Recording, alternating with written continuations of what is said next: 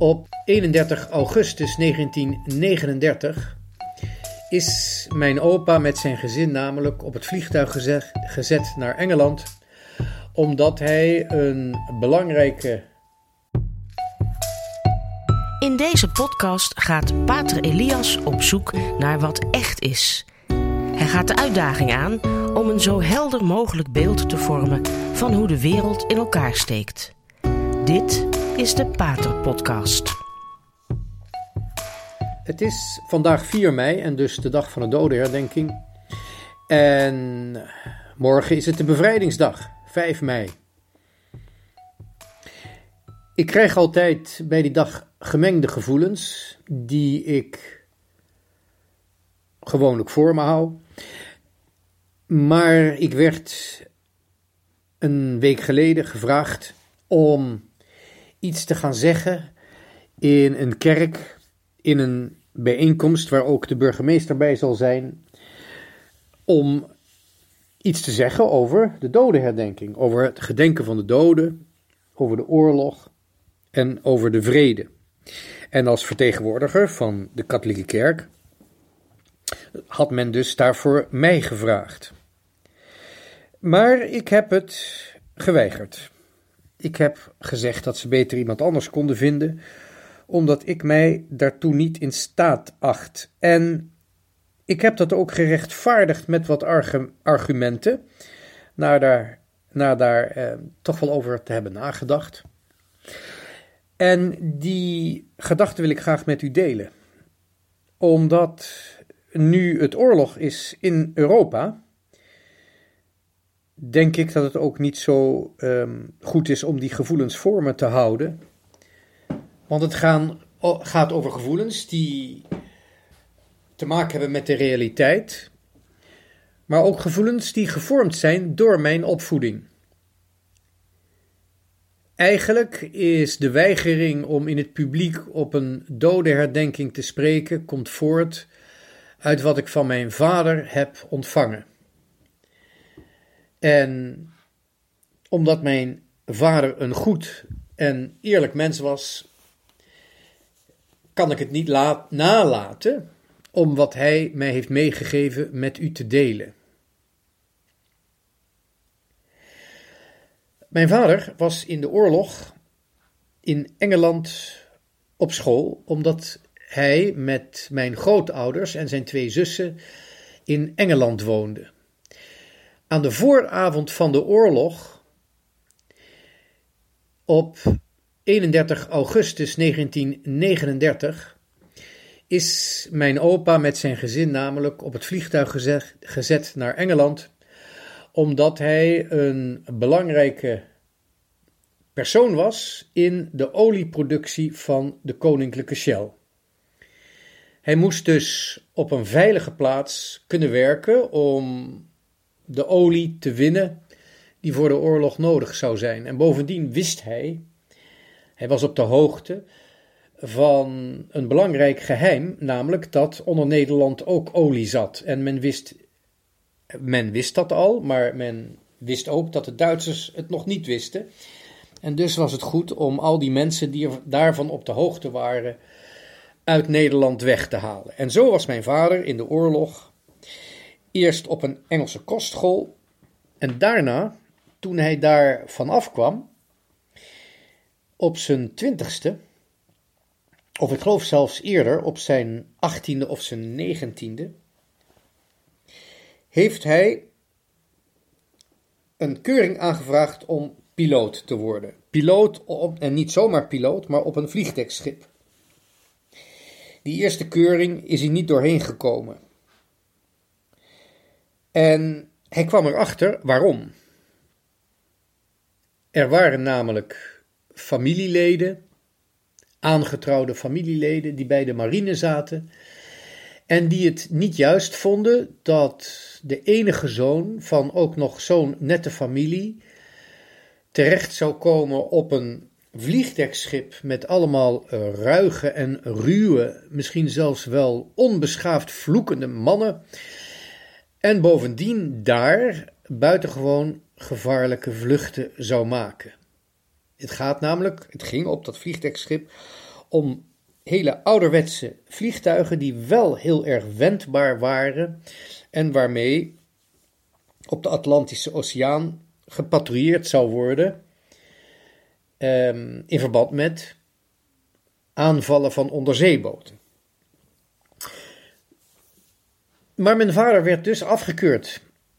Maar hij begreep waarom die was afgekeurd en dat had niet met hem te maken, maar met de relaties binnen de familie.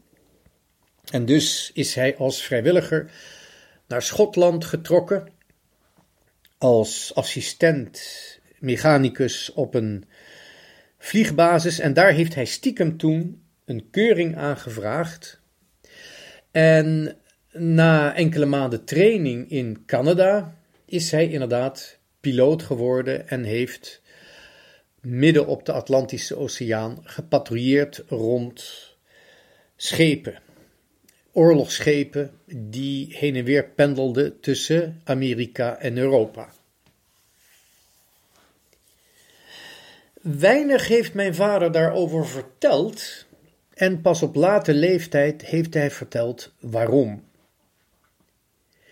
Hij vond dat in een opvoeding bescheidenheid en nederigheid een belangrijke rol moeten hebben en daar passen stoere oorlogsverhalen niet in. Dus niet omdat hij trauma's had overgehouden, of omdat hij zich schaamde, of omdat hij pacifist was, maar puur omdat hij niet met stoere verhalen wilde komen, heeft hij daar niets over verteld. We hebben wel de foto's gezien en we hebben in zijn, met mijn broertjes hebben we in de, natuurlijk veel te grote, grote pilotenpakken rondgelopen als kinderen. Dat was heel leuk. We waren stoer papa aan het spelen, maar papa vertelde niks over zijn verleden. Dat heeft hij op de late leeftijd wel gedaan, toen ik er hem van overtuigd heb dat die opvoeding, wat betreft de bescheidenheid en de nederigheid, waarschijnlijk volledig mislukt was, of in ieder geval voor een groot deel mislukt was. Dus hij kon nu alles vertellen. Een van de vragen die ik mijn vader heb gesteld op late leeftijd was waarom hij nooit naar een veteranenbijeenkomst was geweest. En ook daarin bleek het weer typisch mijn vader. Want hij vond het niet nodig om jezelf te verheerlijken met een oorlogsverleden. Dit is helemaal geen oordeel over veteranen die wel naar zo'n bijeenkomst gaan. Maar het ging tegen mijn vaders aard in, zijn karakter, om prat te gaan op zijn oorlogsverleden. Hij ging dus nooit naar een veteranenbijeenkomst. Hij zei me ook eens: zo'n uniform met een oude man, of een oude man in een uniform, dat is geen gezicht. En eigenlijk was er ook nog een hele principiële reden waarom hij niet naar veteranenbijeenkomsten ging. Want dan zou hij namelijk voor Prins Bernhard moeten langs marcheren en hem moeten salueren. En hij zei dat was net iets te veel van het goede. Mijn vader had een hekel aan Prins Bernhard, ook al verborg hij dat een beetje. Hij bewonderde koningin Wilhelmina. Hij bewonderde koningin Juliana, die hij als prins, prinses twee keer in de oorlog gesproken heeft toen ze de, het vliegveld kwam bezoeken. Maar prins Bernhard, daar had mijn vader al in de oorlog een hekel aan, want hij vond het een onbetrouwbaar ogende playboy. Dat was de mening van mijn vader, die ik even doorgeef. Ik heb daar weinig aan toe te voegen, maar het was in ieder geval voor mijn vader een reden om niet te gaan marcheren en Prins Bernhard te salueren. Maar er zijn een aantal andere interessante momenten die mij gevormd hebben met wat betreft de blik op de oorlog en het aanvoelen van die dodenherdenking. Enige jaren geleden was er sprake van dat ook Duitse soldaten herdacht zouden worden bij de dodenherdenking. En daar was een hele rel over. Heel wat mensen sloegen op tilt toen dat bekend werd. En ik heb toen eens gewoon eerlijk aan mijn vader, die jarenlang, of in ieder geval maandenlang, op zee zijn huid heeft geriskeerd om ons te verdedigen tegen de Duitsers, de nazi's. Ik heb toen aan mijn vader gevraagd wat hij ervan vond dat ook Duitse soldaten zouden worden herdacht. En toen ik hem vroeg wat hij vond van die mensen die daartegen protesteerden, toen keek hij verontwaardigd en zei met een diepe zucht: De mensen die protesteren hebben blijkbaar de oorlog niet meegemaakt. Zij moesten ook. Het is altijd voor mijn vader een erekwestie geweest. De vijand, als hij geen vijand meer is, is hij dus een gewone buur. En de vijand heeft ook geleden onder het oorlogsgeweld, ook al, ook al kwam de agressie in de eerste instantie van de mensen die zij moesten gehoorzamen.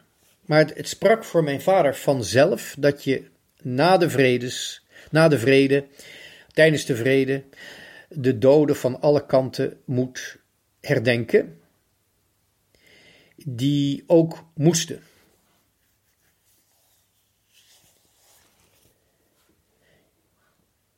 Ik moet zelf zeggen dat ik tijdens mijn studententijd, toen ik in het bestuur van een studentenvereniging zat, ook een keer om die vereniging te vertegenwoordigen naar zo'n dode herdenking ben gegaan. En dat heeft me behoorlijk tegengestaan. Voor mij was dat ook de laatste keer dat ik naar zo'n gelegenheid ging. Want er staan altijd mensen bij die een gezicht trekken zo van als het nu oorlog was of als ik de oorlog had meegemaakt, dan zou ik ook aan de goede kant staan. Dan zou ik ook bij het verzet hebben gezeten. Zo staan jonge mensen vaak bij de dodenherdenking, alsof ze weten waar het over gaat. En ik wil mij niet voegen bij die hypocrisie. Het is jammer, maar de dodenherdenking is vaak gebruikt als politiek spektakel. Ha, als ik de oorlog had meegemaakt, dan zou ik aan de goede kant zijn geweest. Met zo'n gezicht staan een heleboel mensen bij de dodenherdenking. En dus laat ik mijn gezicht daar niet zien.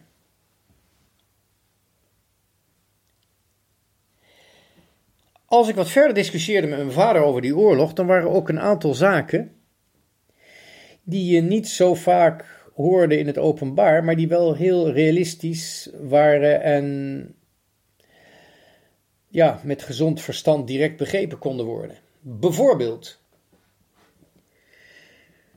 wij herdenken de doden op 4 mei, wij vieren bevrijdingsdag 5 mei. Maar ik vraag me af hoeveel Nederlanders zich ervan bewust zijn dat de oorlog pas op 8 mei is afgelopen. Het is namelijk een wereldoorlog geweest. Dit is geen oorlog geweest waar Nederland goed was en de anderen slecht waren, en dus toen Nederland vrij was, zou dan de oorlog zijn afgelopen. Het ging om een wereldoorlog. En het is voor mij ook altijd een raadsel geweest, net zo goed als het voor mijn vader vreemd was, dat de bevrijding werd gevierd op 5 mei, terwijl de oorlog nog drie dagen langer duurde, of in ieder geval, de Wereldoorlog was pas op 8 mei afgelopen. Waarom heeft Nederland een unieke positie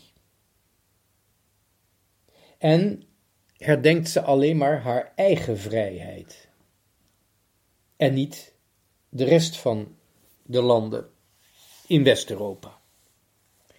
Bovendien, de Tweede Wereldoorlog ging na 8 mei nog door in het oosten. En het was heel opmerkelijk, zoals mijn vader op een gegeven moment vertelde, dat hij aan het trainen was, zo in de zomer van 45, om naar het oosten te vertrekken. En dat hij wist dat de Japanners veel, nog heel gevaarlijk waren. En hij rekende er eigenlijk niet op dat hij uit het oosten zou terugkomen. Hij trainde voor zijn missies op, op de Stille Oceaan in het oosten tegen Japan. Eigenlijk met het vooruitzicht dat hij jong zou sterven.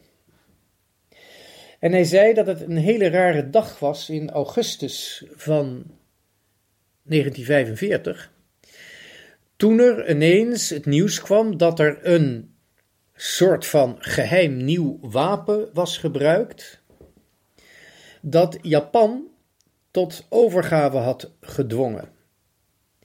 En de vraag van wat dat wel niet voor wapen zou zijn geweest, die vraag werd helemaal overschaduwd door de andere vraag die hij ineens zichzelf moest stellen: wat ga ik nu doen met mijn leven? En hij vertelde me dat op die ene dag ineens allerlei dingen door zijn hoofd flitsten. Zo van: hé, hey, nu moet ik een gezin gaan stichten. Nu moet ik een vak gaan leren. En misschien krijg ik wel veel kinderen of zo. In plaats van mijn leven te geven, moet ik ineens gaan nadenken over anderen het leven te geven. Nou ja, dan ben ik dus één van de vijf. Een van de vijf kinderen die hij gevaderd heeft.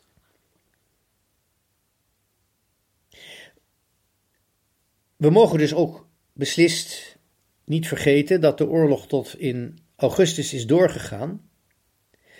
Maar waar mijn vader ook bij stilstond, als hij mij over de oorlog vertelde, is dat er eigenlijk geen overwinning in Europa is geweest, maar een wapenstilstand. Op 8 mei 1945 gaf het Duitse leger zich over. Dat was het einde van de oorlogshandelingen. Maar waarom is die oorlog in Europa begonnen? Die is begonnen toen de Sovjet-Unie en Nazi-Duitsland Polen opsplitsten. De Russen zijn weliswaar wat later binnengevallen, maar het land was al verdeeld. En de veiligheid van Polen werd gegarandeerd door Engeland. Dus toen Polen werd aangevallen, moest Engeland de oorlog ingaan. En Polen is toen opgedeeld tussen een Duits en een Russisch gedeelte. Of eigenlijk een Sovjet-gedeelte. En we weten allemaal, althans als we het willen weten, kunnen we allemaal weten wat er met Polen is gebeurd na de oorlog.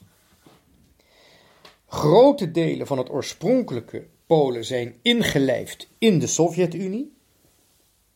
Het land is een, een hele stuk opgeschoven naar het westen. En binnen vrij onafzienbaar, uh, onafzienlijke tijd, dus, dus in vrij korte tijd, is heel Midden-Europa in handen gekomen van communisten. En dat hebben ze precies op dezelfde manier gedaan als dat de Russen in de Donbass-streek en ook in de Krim langzamerhand door zogenaamd democratische verkiezingen en manipulaties en intriges de macht hebben gegrepen. Wat de Russen in het Donbass hebben gedaan, is precies wat ze ook in de Midden-Europese landen aan het eind van de oorlog hebben gedaan. Helemaal niet verbazingwekkend, want het is steeds weer de geheime dienst die de dienst uitmaakt. De oorlog is dus niet echt gewonnen, ze is geëindigd met een wapenstilstand waarbij één van de agressoren, namelijk Nazi-Duitsland, inderdaad volledig verslagen is. Maar de andere vijand, daar moesten we mee leren leven. En het komt dan ook door deze opmerkingen van mijn vader dat ik me al vrij op vroege leeftijd ben gaan interesseren voor Midden-Europa en voor Rusland. In ieder geval meer ben gaan interesseren dan de gemiddelde Nederlander, zeker van mijn leeftijd. En het doet me altijd nog pijn om ook in het huidige conflict in de Oekraïne te zien hoeveel eh, mensen eigenlijk Midden-Europa op de kaart niet weten te vinden. Die landen met oude tradities, die landen tussen Estland, van Estland in het noorden tot het noorden van Albanië, landen die Midden-Europa vormen en waar met name de katholieke kerk enorm voor haar vrijheid heeft moeten vechten. Het is werkelijk onthutsend om te zien dat een zogenaamd rechtse partij, zoals het Forum Democratie, volledig pro-Moskou is geworden in deze tijd. Een totaal gemis aan historische kennis en historisch besef. Wat moeten we ermee? Moeten we de dode herdenking een feest maken of een herdenking van soldaten die toen gestorven zijn aan alle kanten door totalitaire systemen die aan het einde van de oorlog niet helemaal waren verslagen. Om wiens vrijheid gaat het eigenlijk? We weten om wiens levens het is gegaan en die mogen we herdenken. Maar in welk kader stellen we zo'n herdenking? Welke ritueel gebruiken we om die doden te herdenken? Op welke manier brengen we de eer die hen toekomt aan degene die hun leven hebben gegeven? Ik liep een paar jaar geleden over de stranden van Noorwegen en kwam daarom ook in die enorme militaire begraafplaatsen terecht. En ik vroeg me af, als deze jongens die hier hun leven gaven, als die vandaag zouden zien wat we met onze vrijheid hebben gedaan, zouden die dan nogmaals bereid zijn om hun leven te geven?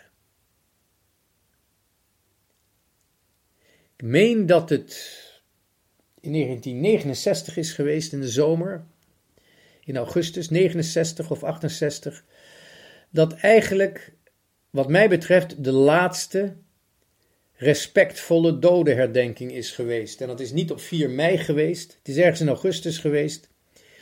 Toen de Jantjes, dat wil zeggen de jongens van de marine, het Nationaal Monument op de Dam hebben schoongeveegd.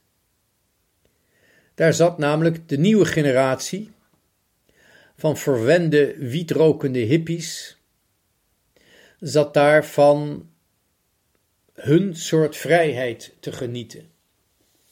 Terwijl het monument bedoeld is om de doden te eren.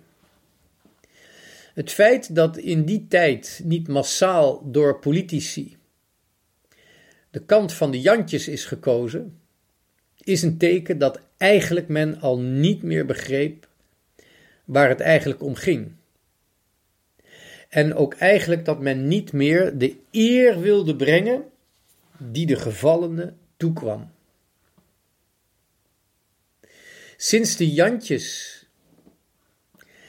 de dam hebben geprobeerd schoon te maken, zijn er hele rare dingen gebeurd met die vrijheid waarvoor anderen hun leven hebben gegeven. En wat mij betreft, zie je mij niet meer bij dodenherdenkingen, totdat die vraag van de vrijheid openlijk en kritisch is gesteld. Zolang de Jantjes de dam niet meer mogen schoonvegen, Jantjes, dat die dus bij de marine zijn en een eed hebben afgelegd om ook hun leven te riskeren, Zolang de, de Jantjes niet gehoord worden of niet meer mogen terugkomen, zul je mij niet bij een dodenherdenking zien. Want ik zou me kapot schamen tegenover degenen die hun leven voor onze vrijheid hebben gegeven. Maar wat betreft vandaag, ik bid dat de grond van de Midden-Europese landen, zoals de Oekraïne, die zo rijk bevloeid zijn met bloed van martelaren, christenen, die hun leven hebben gegeven in de getuigenis tegenover een atheïstische, demonische macht. Ik hoop dat wat er ook gaat gebeuren, dat die grond eindelijk is zichtbaar vruchtbaar zal worden voor het christendom. Want allereerst moeten we het getuigenis willen zien van de christenen die daar gestorven zijn en hun leven hebben gegeven. Maar we moeten ook vandaag de dag de ongelooflijke moed zien waarmee de gewone jongens in de Oekraïne bereid zijn hun leven te geven voor de vrijheid van hun land. Ondanks de corruptie, ondanks de overmacht van het Moskouse leger. Je kunt altijd een dodenherdenking gebruiken om te bidden om gerechtigheid. En dat ga ik in ieder geval doen.